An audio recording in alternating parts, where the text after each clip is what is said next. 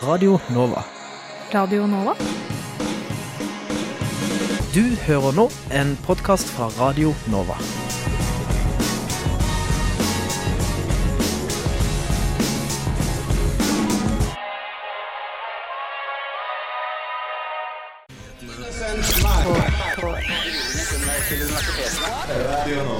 Klokken er blitt 11, og det er fredag, og det betyr at du er hjertelig velkommen til Studentnyhetene. Mitt navn er Martin Øding, og med meg i studio har jeg Josefine Ytre Eide Bjårstad. I dag skal du få høre mer om dette.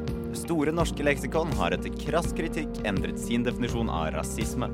Hvor udemokratisk har et universitet lov til å være? Er norske universiteter en ferie sammenlignet med utenlandske universiteter? Universitetet i Oslo får oljepenger fra Equinor. Naturvernstudentene kaller det grønnvasking. Og vi får som vanlig besøk av noen flotte studentpolitikere. Men før alt det, så får du ukas nyhetsoppdatering.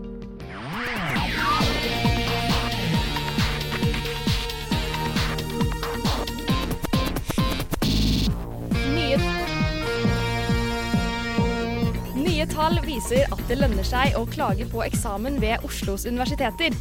På Universitetet i Oslo var det 2502 klager på eksamen for vårsemesteret 2018. 31% av disse fikk en bedre karakter, mens kun 8% fikk en dårligere karakter. Resten var uendret. På Oslo OsloMet ble det registrert totalt 807 klager samme semester. Der var 29% en bedre karakter, mens kun 12% gikk ned. Det betyr at nesten 60% fikk den samme karakteren som de fikk i første omgang. Tilbudet om gratis e-tidsskrifter kan forsvinne. Per dags dato er det mulig for mange studenter og forskere å laste ned e-tidsskrifter og e-bøker kostnadsfritt. Men de norske universitetene sitter nå i forhandlinger med forlagene, og dette gjør at det kan bli en forandring. Det er fordi det er dyrt å tilby gratis e-bokinnhold til studenter, og derfor kan det ta slutt, melder Universitas torsdag. Det er fortsatt ikke klart når vi får avgjørelsen på forhandlingene. Hver sjette student drar på utveksling. Dette er tall fra 2017 som Direktoratet for internasjonalisering av kvalitet i utdanningen, DIKU, publiserte på mandag. De har et langsiktig mål om at 50% av norske studenter skal dra på utveksling. Det er relativt stor forskjell på de forskjellige studieinstitusjonene. Bergen drar opp gjennomsnittet med over 50% av studenter som drar på utveksling. I Oslo er det Arkitekthøgskolen som ligger øverst med 24% Universitetet i Oslo ligger like bak med 20% mens BI og Oslo OsloMet følger etter med 15 og 11% Nederst ligger Westerdals Kristiania med kun 7% av studentene sine på utveksling. Dette var ukens nyhetsoppdatering. Mitt navn er Josefine Ytre Eide Bjørstad. Store norske leksikon har etter krass kritikk endret sin kontroversielle definisjon av rasisme. SNL er blitt beskyldt for å bygge opp under rasistiske vrangforestillinger og for å spre uvitenskapelige myter. Dag Herbjørnsrud fra Senter for global og komparativ idéhistorie har vært hardest i kritikken. Vi spurte Dag om hvorfor det var så viktig å endre definisjonen. Eh, fordi at det, spesielt i vår tid nå, er veldig mye debatt rundt dette med rasisme og rase. Og det er mye, mange misforståelser da, som går på at man tror at det finnes ulike raser. Og det gjør det da ifølge vitenskapen ikke. Og den, den definisjonen som har vært da på SNL, har jo bidratt til å spre feilinformasjon. Hva syns du om det? Ja, altså på en måte så er det ikke så merkelig at uh, folk flest eh, ennå nok tenker på den måten. At, uh, at, at menneskene kan deles opp i sånn en asiatisk, europeisk, afrikansk rase. Da. Mm. Det, den tanken har jo holdt seg nå i 250 år siden den oppsto på 1700-tallet. Så det, veldig, mm, det tar lang tid å fjerne den ideen. Det er jo ikke gjort i en håndvending. Altså. Det er 250 år som vi mm, nå må få gjort noe med. Og så er det jo nå først, faktisk, rundt år 2000 at DNA-forskningen kunne fastslå det man har uh, egentlig kunnet uh, antyde og har sagt egentlig siden Hitlers tid, da, at at dette ikke finnes. Og det har man nå vitenskapelig bevist. Og, men det vil jo ta lang tid. Og man må være veldig tydelig, for man må jo få oppdratt en ny generasjon da, med mennesker da, til å forstå dette. Jeg bladde opp den en gammel versjon. Der står det svart på hvitt at ras rasisme er mindre utbredt i dag. Ja. Stemmer det?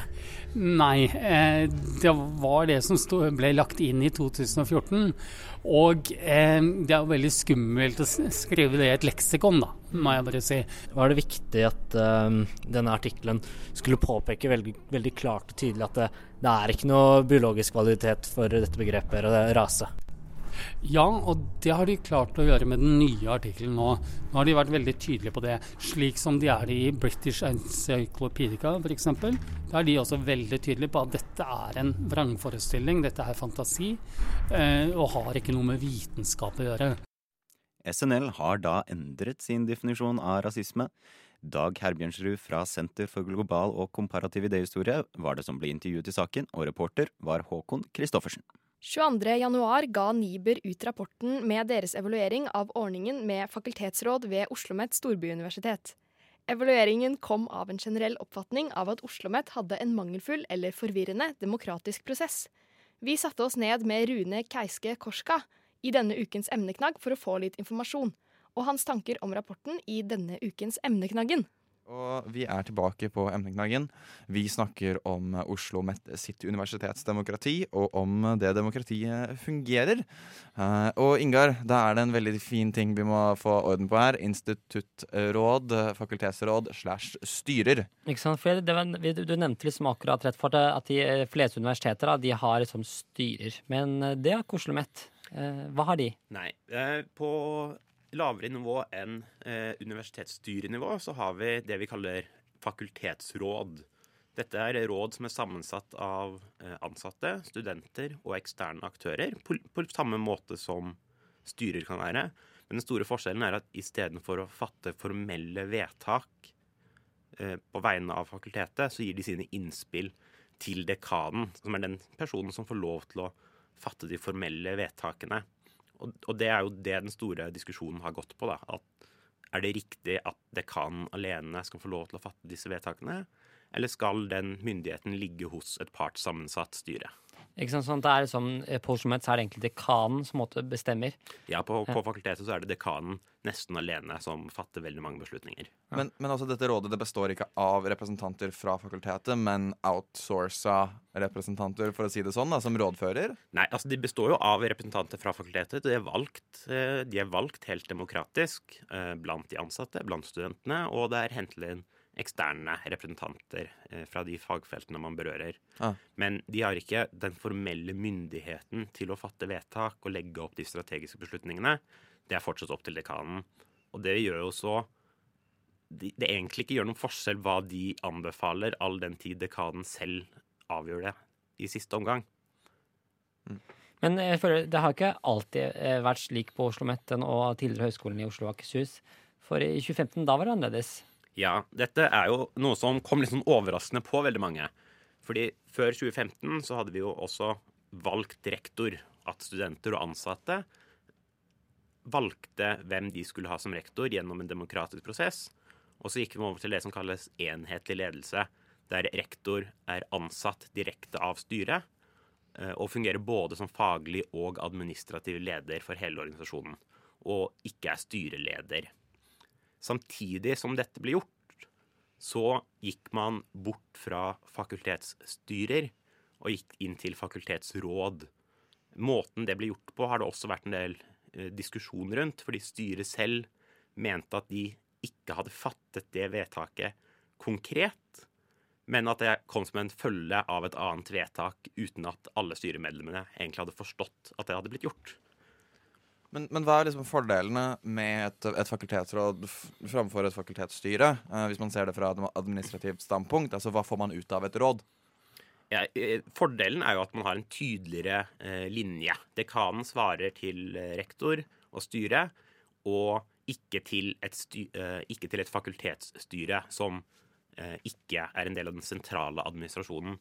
Så, så, det man håper, er jo at det skal gi mer effektive eh, linjer i organisasjonen der beskjeder går uh, rett opp og ned, og ikke ut på fakultetene på den måten det har gjort eh, Eller det kan gjøre noen steder. Så det er en effekt effektiviseringsprosess? Ja, Blant annet så er det en effektiviseringsprosess og tydeliggjøring av eh, hvordan organisasjonen skal driftes. Jeg vil også presisere, Når du sier styre, så mener du universitetsstyret? Ja, Når jeg sier styre alene, så er det stort Ja. sett universitetsstyret. Ja, jeg forstår. Det øvre organ. Ja. Eh, ja, for det, du var jo også selv til stede under denne rapporten 'Et spørsmål om universitetsdemokrati' eh, Oslo Met, som ble frem, eh, som fremlagt av By- og regionsforskningsinstituttet eh, ved nettopp Oslo Met. Hva var det på en måte som kom fram i, når de la fram den rapporten? Nei, jeg syns jo den, den rapporten peker på veldig eh, mange interessante ting. Og den peker på en del ting jeg opplevde selv som fakultetstillitsvalgt eh, tidligere. At det er vanskelig å kun komme med råd og, og ikke være med en del av den Eller det er en vesensforskjell å bare spille inn råd og ikke være en del av den formelle beslutningsmyndigheten på fakultetet. Og det var spesielt det de ansatte opplevde. At før hadde de vært med på å kunne stake ut kursen eh, på fakultetet, mens nå er det ikke engang helt tydelig hvilke råd de egentlig gir. Ja, altså Betyr det liksom at det er, liksom at det er blitt et toppstyrt system? At det er liksom de re- rektoratet og liksom de øvre organene som bestemmer? Eller? Ja, Det er i hvert fall det mange opplever det som. Ja, det når man ikke kan være med på å bestemme selv, så blir det jo også Så føler man at eh, beslutningene kan bli tredd ned over en. Og Emneknaggen kan du høre i sin helhet på soundcloud.com studentnyhetene. Reportere i denne saken var Ingar Jakob Feiring og Magnus Tune. Og Juliette Mercier kom som utvekslingsstudent fra Frankrike til Norge i 2018. Hun uttalte i en artikkel i Krono at semesteret i Norge var som en seks måneders ferie. Med oss i studio har vi Marianna Kodabandelo fra Internasjonalista. Velkommen. Hei, hei, Ja. takk. Hva tenker du om at Mercier uh, sier at uh, det er litt som å være på seks måneders ferie og studere her i Norge? Jeg er ikke enig, men jeg skjønner hvor, hvor hun kommer fra. Jeg skjønner hvorfor Ja, hun Hvor er det hun kommer fra? Hun kommer fra Frankrike, hvis Ja. jeg tar ikke feil. Og der, sammen med alle de, Kanskje Hellas, jeg kan sammenligne Mm. hvor jeg kommer fra, og så mange andre europeiske land, så har de ikke det samme arbeidsmengde som vi har i Norge. Sammenlignet med folk jeg har snakket fra VGS og på universitet, så er det litt mindre arbeidsmengde som vi får. Og på ingen måte er dette her dårlig. Jeg synes, jeg, jeg vet ikke om hun kritiserte det norske systemet å være for lett, men jeg syns det var ikke bra. Fordi det norske systemet har fått seg med at studentene skal få pauser, noe som vi ikke har. Studentene sliter til slutt med å få bra karakter, med å, med, med å få det samfunnet forventer av dem. Mens i Norge du får en pause, du får vinterferie. Jeg var helt sjokkert når jeg kom her. Jeg bare Vinterferie? Eksisterer sånne ting? Um, og mange andre, ting som hjelper studentene i studentløpet på VGS og på universitetet. Um, mengde som vi får som leksehjelp, er helt utrolig. Her så får du masse jobb på universitetet, du får forelesninger podkastet. Eksisterer ikke sånne ting eh, i Hellas og Frankrike. Du blir sånn Kommer du på forelesningen? Nei, da mister du. Taper. Ha det bra. Det er litt sånn veldig Det er en stor distanse fra universitetet og studentene. Her så er alt, alt kort. Du ligger rett ved siden av din professor og den personen som hjelper deg med det du trenger. Eh, hvorfor tror du det er sånn? Hvorfor tror du at Norge liksom har det på denne måten, og andre land har uh, litt mer eh, hardere skjør? Er det noen grunn Kanskje, vet ikke, kanskje fordi uh, Det er litt tricky. Uh, jeg har vokst opp i Hellas, og jeg vet hvorfor de er sånn. Uh, de, de utviklet et program eh, hvor de trodde det var bedre for studentene, og det, jeg tror det Norge gjorde også. ikke sant? At man lærer fra andre land som har tatt feil. Du ser på et system som kanskje ikke funker, som gir ikke resultater. Men da sier alle ja, men Frankrike og Hellas ligger veldig høyt på sånn matte competitions og alt dette her som gir resultat. Men hvis studentene sliter med alt annet, annet mulig, de får ikke noe liv utenfor skole, så gjør det ikke noe, syns jeg. Ikke sant? At du er bare flink, og så lever du ikke på en måte. ikke sant? Ja, eh, jeg tenkte, Vet vi noe om eh, disse studentene i andre land, da, sin psykiske helse? Hvordan er den eh, sammenlignet med Norges? Ja, ikke sant? Det kan jeg si også fra Frankrike og fra Hellas. ikke sant? Eh, noe som jeg kjenner og jeg snakket med før jeg kom her også. Og det står sånn at alle er på en måte kommer på universitetet med forventninger at nå skal vi ikke sove, nå skal vi ikke spise, Og så Vi skal ikke ut, vi skal ikke sove. Alt dette her ligger i hodet når du kommer inn, fordi du tror det er det samme som du gjorde på VGS. Mens uh, i Norge så kommer det med Å, herregud, jeg kommer inn på universitetet, skal vi lese, og, og så er det fest. Mm. Ikke sant? Men jeg syns det er mye bedre mentalitet enn å tenke herregud, nå skal jeg gå inn, og jeg skal ikke sove, jeg skal ikke yeah. spise og leve på en måte. Og de syns at de blir presset fra samfunnet. Det følte jeg òg. Fra videregående til jeg kom inn på universitet, og det er derfor jeg kom til Norge. Jeg syntes systemet her funket bedre for meg. Jeg får resultat jeg vil, jeg skal få jobb jeg vil. Fordi hvis du sliter så mye, og så er du i Hellas og Frankrike, og så får du ikke jobb til slutt, så var alt du gjorde det for. Ja, ikke sant. Ingenting. Til slutt, er det uh, som en ferie å være student i Norge? Ja. Uh, vel, jeg syns det er det samme. Jeg jobber så hardt på universitetet her som jeg hører mye andre venner i Hellas gjør. Ikke sant? Jeg føler ikke at jeg jobber mindre. Jeg tror hun er utvekslingsstudent. Det har en stor forskjell. Hvis jeg drar til Korea, Japan, andre land, Frankrike, syns det blir veldig lett for meg. Alle hører at liksom, du tar et fag i dette landet, så blir det sånn ferie, du drar på tur og sånne ting. Mens å studere her er forskjellig. Å ta utveksling er forskjellig. Det tror jeg må bli siste ord eh, for denne gang. Eh, Tusen takk for at du kom, Mariana Kodabandolo fra Internasjonalista. Tusen takk. Denne uken så kunne vi lese et lesebrev fra naturvernstudentene i studentavisa Universitas. Der blir Universitetet i Oslo kritisert for å videreføre akademikaavtalen med Equinor. Vi har med oss en av kronikkforfatterne i studio, leder av naturvernstudentene ved UiO, Aurora Kobbernus. Velkommen til deg. Ja, tusen takk. Eh, hva er bakgrunnen til at dere skrev dette lesebrevet? Det vi så nå, er at eh, UiO har tatt eh, skritt i det de mener selv er i riktig retning. Og det er å lage en mer miljøvennlig avtale med Equinor. Vi mener allikevel at en hvilken som helst avtale i oljenæringa eller med oljenæringa er et skritt bakover i en fortid der vi syns at eh, olje kunne være redninga på framtida. Eh, I dag ser vi at det ikke er mulig. Eh, vi kan ikke lenger være mm, kjent med at eh, oljenæring skal påvirke utdanningen. Særlig av denne avtalen har en del problemer, eh, bl.a. med copyright, hvem som skal eie, eller eh, hvordan man skal uttale seg om eh, forskning man driver med, og eh, hva man kan eh, gi forskningsmidlene til. Da. Eh, det er veldig definert, eh, eller lite definert egentlig hva det skal eh, brukes til. Og det er kun en uttalelse fra Morten Dæhlen på Mattenatt som vi egentlig kan forholde oss til, da det gjelder egentlig hva selve pengene går til. Ja, Vi presiserer at både ledelsen ved Universitetet i Oslo og Det matematisk-naturvitenskapelige fakultet ble, ved UiO ble spurt om å stille i studio, men ingen av de kunne. Eh, også Equinor har blitt spurt om de ønsket å stille i studio, men de hadde heller ikke mulighet. Eh, men Aurora, dere skriver i kronikken at UiO blir brukt til grønnvasking. Hva mener dere med dette?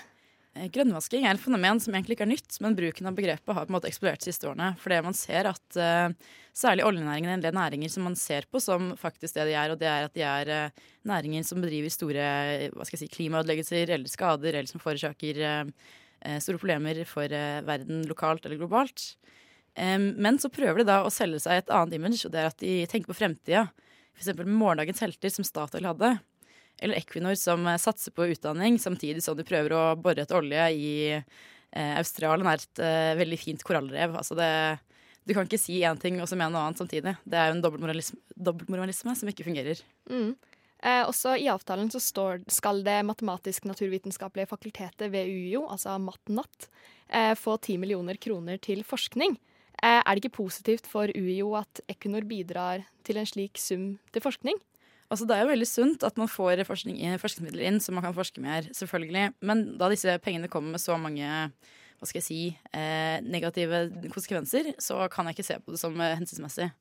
Eh, vi kan vente fire år til hvis det er det som trengs eh, på en bedre avtale. Eh, vil jeg sagt. Dersom de absolutt må ha en avtale med Equinor, så må man ha en avtale som er fri for alt det her. Men vi tror ikke det kommer til å skje. Vi tror at Equinor vil at de skal omtales positivt. Vi tror ikke at de vil at de skal forskes på negativ måte. Vi tror ikke at de kan eh, godkjenne midler som brukes på en måte som eh, studentene selv vil, eller som forskerne selv vil. Eh, og da tenker vi at da kan ikke Equinor ha en rolle i å bidra til en bærekraftig utdanning.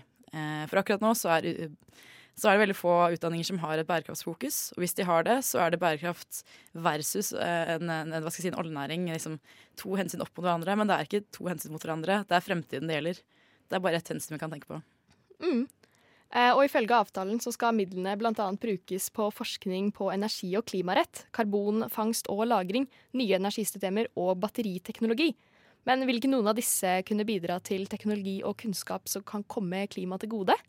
Eh, selvfølgelig, Det er veldig heldig at man begynner å få fokus på disse områdene, men det er fra feil sted.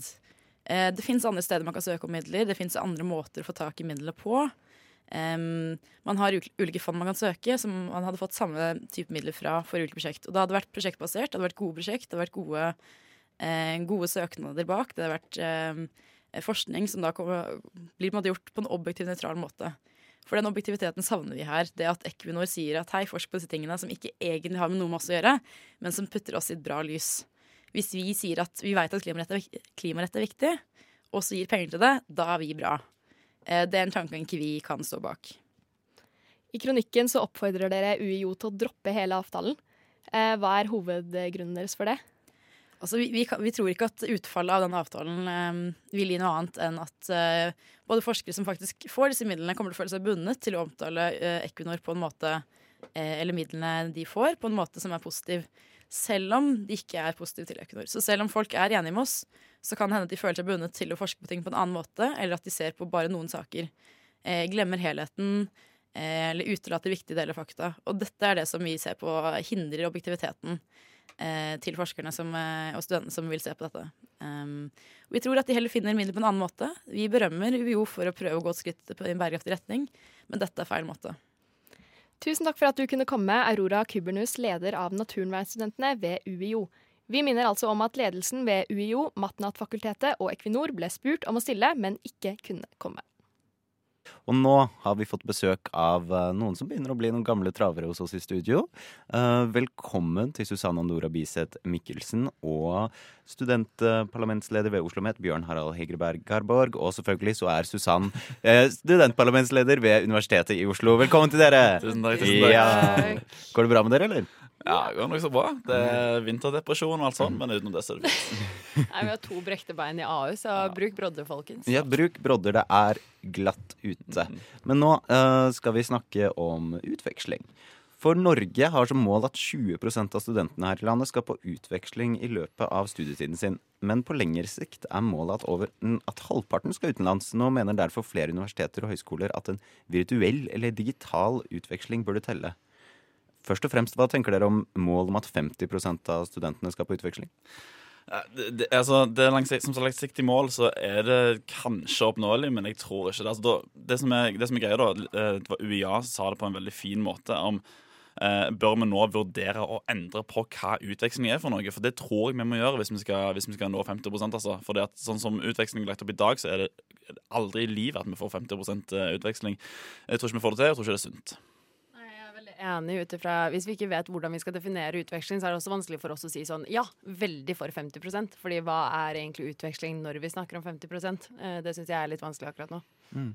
Digital utveksling, hva er det? Ja eh, jeg vil hva det er. Det er at du kan f.eks. ha Skype-møter, vil jeg tørre å påstå. At du kan ha at du ser på foreleseren gjennom videopodkast, eh, screencast. Det fins jo veldig mange alternative læringsformer, så det er vel det at du ikke er fysisk til stede, som er liksom det virtuelle delen. Du kan ha gruppearbeid på Canvas, og, ja, og det mm. fortsetter. Er dere for at, uh, å inkludere en digital utveksling for å gjennomføre dette 50 %-målet? Ja, altså Først og fremst er det viktig å si at eh, vi, vi, vi på, på Oslo Met er veldig for alle tiltak som gjør at flere folk får en valgmulighet og får mulighet til å reise på utveksling. Vi har jo en veldig mangfoldig studentgruppe, studentmasse, med, med studenter i, alle aldersgrupper og alle etnisiteter, og med barn, ikke med barn, med tilretteleggingsbehov og SV, OSV. Så Derfor syns vi det er veldig fint at nå kan eh, flere få muligheten til å få en sånn internasjonal erfaring som det her er. Mm. Uh, ja, Susann? Ja, uh, nei, vi, jeg er litt til at vi må ta et skritt tilbake og ta den prinsipielle debatten rundt virtuell og fysisk tilstedeværelse på campus. Uh, for jeg ser liksom problematikken med at hvis vi begynner med mye virtuell uh, undervisning, Europauniversitet, som vi jo planlegger å bli, og så tenker vi at man kan f.eks. da være plutselig 75 er ikke i klasserommet, og så er det 25 som er der. Hva vil det ha for læringsmiljøet, hva vil det si for undervisningen? Og så må vi på en måte se på den prinsipielle debatten rundt hvilken påvirkning har faktisk dette på undervisningskvaliteten og utdanningskvaliteten på universitetene. Og jeg syns vi burde forske litt mer, mer, forske mer på det da, før vi tar det store skrittet. Mm. Ja, for jeg skulle spørre om Tror du ikke mange vil bare ta en utveksling eh, som en unnskyldning for å gjøre andre ting, om du ikke trenger å møte opp i det hele tatt? Jeg liker jo å tro at studentene er her for å lære, eh, så jeg satser på at folk ikke gjør det for moro skyld, men at man vil se på alternative Nei, at man vil komme hit for å lære, da. Og at man da kanskje må faktisk bruke virtuell eh, digital undervisning for å ha muligheten til å ta de emnene som er sykt fete andre steder. Ja, altså, jeg, jeg er enig. Altså, vi håper jo at studentene som kommer til oss, ønsker å lære. Men i tillegg så er det at eh, det, å, det, å, ta et, eh, hva si, et um, eh, emne utenom normalen, i hvert fall hos oss på Oslo Met, og de har veldig mye fastsatte rammeplaner eh, og endplaner, så det, det, koster litt ekstra. Så det, jeg tror ikke det er så bare bare å hoppe på et eh, virtuelt utvekslingsemne. Mm. Uh, tidligere kunnskapsminister Torbjørn Røe Isaksen lanserte tilbake i 2015 tanken om at utveksling kan bli regelen i stedet for unntaket for norske studenter. Uh, tenker dere at studentene bør dra på utveksling? Jeg tenker Det er mye verdifull eh, kunnskap og egenskaper man kan tillegge seg eh, under uh, utveksling. Eh, definitivt. Men eh, jeg, var veldig, jeg, var veldig, positiv til denne såkalte opt-out-løsningen som det var snakk om. Da, at man må aktivt melde seg av utveksling eh, i starten. Men så har jeg fått mine tvil, og de kommer mye av de her 50, 50 %-målene. Altså, fordi det virker litt som om opt-out skal eh, I motsetning til det jeg trodde, så skal det på en måte tvinge folk ut. For sånn som vi håpte det skulle være, så var det et mål der vi skulle til, eller presse institusjonene til å legge til, til rette for bedre eh, nei, eh, utvekslingsmuligheter. Men nå ser det litt ut som det er kvantitet foran kvalitet, altså, og det liker jeg ikke helt. Nei, jeg er enig. Man må også se på konsekvensene av å ha sånne massive utvekslingsavtaler med, med f.eks. Berkeley. da. Hva vil det også ha for selve utvekslingsoppholdet hvis du kun henger med andre norske studenter? Får vi da den der selvutviklingsdelen eh, i hermetegn? eh, så jeg tror vi må se på ja, helheten av det. Mm. Vi har fortsatt med oss Susann og Bjørn Harald fra studentparlamentene ved UiO og Oslo OsloMet. Vi snakker om utveksling. Eh, og nå tenkte vi å snakke litt om SHoT-undersøkelsen og eh, psykisk helse. Eh, fordi vi vet at mange studenter i Norge sliter med psykisk helse. Men hvordan er det å dra på utveksling når man ser på det? Hvordan kan utveksling påvirke psyken din? Jeg vil jo tørre å påstå at det er hardt å reise. da. Du går fra kanskje alle de trygge rammene du har hjemme, og det vi også ser er at de rammene man tenker er trygge hjemme, er ikke så trygge som man tror. da, Og da på en måte sende folk ut, kanskje uten de forutsetningene, uten et sted å bo og på en måte riktig informasjon. Og det er jo det som på en måte også er positivt med Opptatt, det er sånn dette må bli bedre. Vi vet at studentene sliter. Hvordan kan vi tilrettelegge for at de som faktisk Én av tre er ensomme. Hvordan kan vi sørge for at liksom de som ikke føler tilhørighet på universitetet, skal tørre å reise ut, da? Hvis du ikke har tilhørighet her, så vil jeg tørre å påstå at det er skumlere å reise. Mm. Og det er som sånn, eh, Nå sier du at vi må ha bedre ut, utvekslingsmuligheter. og Det er liksom sånn, det, det synes jeg har litt før pause at vi vil gjerne ha kvalitet foran kvantitet. Få kvalitet i utvekslingsavtalene før vi kan si, får mange av de. Det virker litt som om med det 50 %-målet at man man eh, hva skal jeg si, Litt som med studentøkonomien i høst, så ble studenter en del av statistikken. Eh, og Vi så liksom ikke pers personen i studenten. Sånn blir det litt nå òg. Vi skal ha masse ut, for det ser sykt bra ut på statistikk at vi har masse utvekslingsavtaler, men personen bak det blir kanskje litt glemt. Så, ja. ja. Hvis man eh, dropper å dra på utveksling fordi man kanskje har litt psykiske problemer, tror dere at det kan hjelpe å ha sånne kortere utvekslingsopphold som vi har snakket om? Ja, jeg syns det. Jeg tror Det er jo Nå syns jeg det skal være ærlig på, men jeg tror liksom hvis du Det er lettere å utfordre seg selv til å være borte da i under tre måneder enn over tre måneder, og på en måte vite at ja, jeg er tilbake om en måned. Det, dette går greit, liksom. Og kunne liksom bunker opp og være klar for en kortere utvekslingsavtale. Mm, ja, det sånn som altså, Du kan jo ha feltarbeid i, eh, på kort basis, sommerskoler. Eh, Eh, og, og, andre kortere utenlandsopphold. Og så det med studentmobilitet så må vi ikke glemme at det er jo på en måte en nasjonal studentmobilitet òg. Du kan jo uh, utveksle i eget land uh, mm. som, og, som, et alternativ. Det blir ikke et virtuelt, da, men det blir jo litt sånn alternativ til den tradisjonelle minst tre måneder. Mm. Ja, blant annet så sa jo Iselin Nybø til Krono at dersom halvparten skal reise ut, så vet vi at det må sterkere krutt til enn i dag. Og at flere har gitt innspill på at vi bør telle med kortere utenlandsopphold. Vi vil ta dette med i videre arbeidet med meldingen, sier hun. Og eh, at de vil arbeide med kortere utvekslingsopphold, og at det skal gi samme uttelling som semesterutveksling i form av belønningsmidler. Hva tenker dere om dette? At studenter eh, kan få samme uttelling for å dra på kortere utvekslingsopphold, og kanskje da få like mange poeng i utlandet som de som reiser et helt semester? Ja, Det er jo det som er positivt i det her. At, igjen, at flere folk kan få muligheten. Hvis du har jobb som gjør at du ikke kan reise ut i tre måneder eller mer, så har du nå muligheten. Men igjen, når vi da ser at eh, når statsråden tenker at vi må få uh, prosenten opp så inkluderer vi bare mer av det vi allerede har. Sant? Det er ikke det vi trenger. Vi trenger jo mer, i tillegg mer kvalitet i de utvekslingsavtalene vi har nå, eh, sånn, at vi, sånn, at flere får ønske om å reise ut. Sant? At det ikke er denne statistikken som bare må opp, men vi må ha kvalitet i det. Mm. Og så er det jo veldig bra for universitetene også, fordi man ser at du får mer midler dersom studentene reiser på utveksling. Så da også få midler for kortere utdanningsopphold, sånn at ikke økonomiske konsekvensene for universitetet blir for store da, til å håndtere. Men tror dere færre kommer til å velge de lange utvekslingsoppholdene dersom det blir mulighet for kortere? Jeg tror ikke det. For hvis man på en måte deler inn utvekslingsstudenter i tre, da, de som ville gjort det uansett hva, de som er litt usikre og de som ikke kommer til å gjøre det, og jeg tror med dette tiltaket så er det større sannsynlighet for at vi treffer de som er usikre, og vi da kanskje prøver først én gang, reise på en måned, og så muligens dra på lengre f.eks. utvekslingsopphold på master. Mm. Som vi hørte i nyhetsoppdateringen, så vil Diku at eh, det skal være flere studenter som eh, reiser på utveksling. Og de har lagt frem en rapport der de har lagt ut at snittet av de som ble uteksaminert i 2015, 16 og 17, viser at det er kun 15,5% av norske studenter som tar deler av utdannelsen sin i utlandet. Syns dere dette er for lavt? Det kommer jo helt an på hvem du spør. da Igjen, altså, Hvis du bare snakker statistikk, så er det jo lavt. Men hvis det er grunnen til at så få velger å reise ut, så er at, er at kvaliteten er for dårlig, eh, eller at man opplever eh, altså, som, psykiske problemer eh, eller noe sånt i utlandet, så er det jo ikke for lavt. Da er det akkurat det det bør være. på måte. Vi kan ikke øke tallet uten å øke kvaliteten i, i utvekslingen. Altså, men det å, det å forvente en økning i antall utvekslinger um, det krever òg at man tenker litt annerledes. Sånn som også, uh, Det var vel fra UiS uh, sitt innspill til den studentmobilitetsmeldingen at i dag så er ikke det uh, argumentet om at hvis du er eventyrlysten, så reiser du på utveksling. Det er ikke noe som treffer nå lenger, fordi man gjør gjerne det utenom studien òg. Så man må kanskje se på andre måter å formidle hva får du igjen av utveksling. Mm. Hva tror dere skal til for at flere studenter velger det? Eh, for oss er det mye den med informasjonsflyten. Jeg tror informasjonen kommer for sent i forhold til når du skal kunne reise på utveksling. At man syns systemene er tungvinte, at man er litt usikker på hvor man skal gå, hva man trenger å få med seg.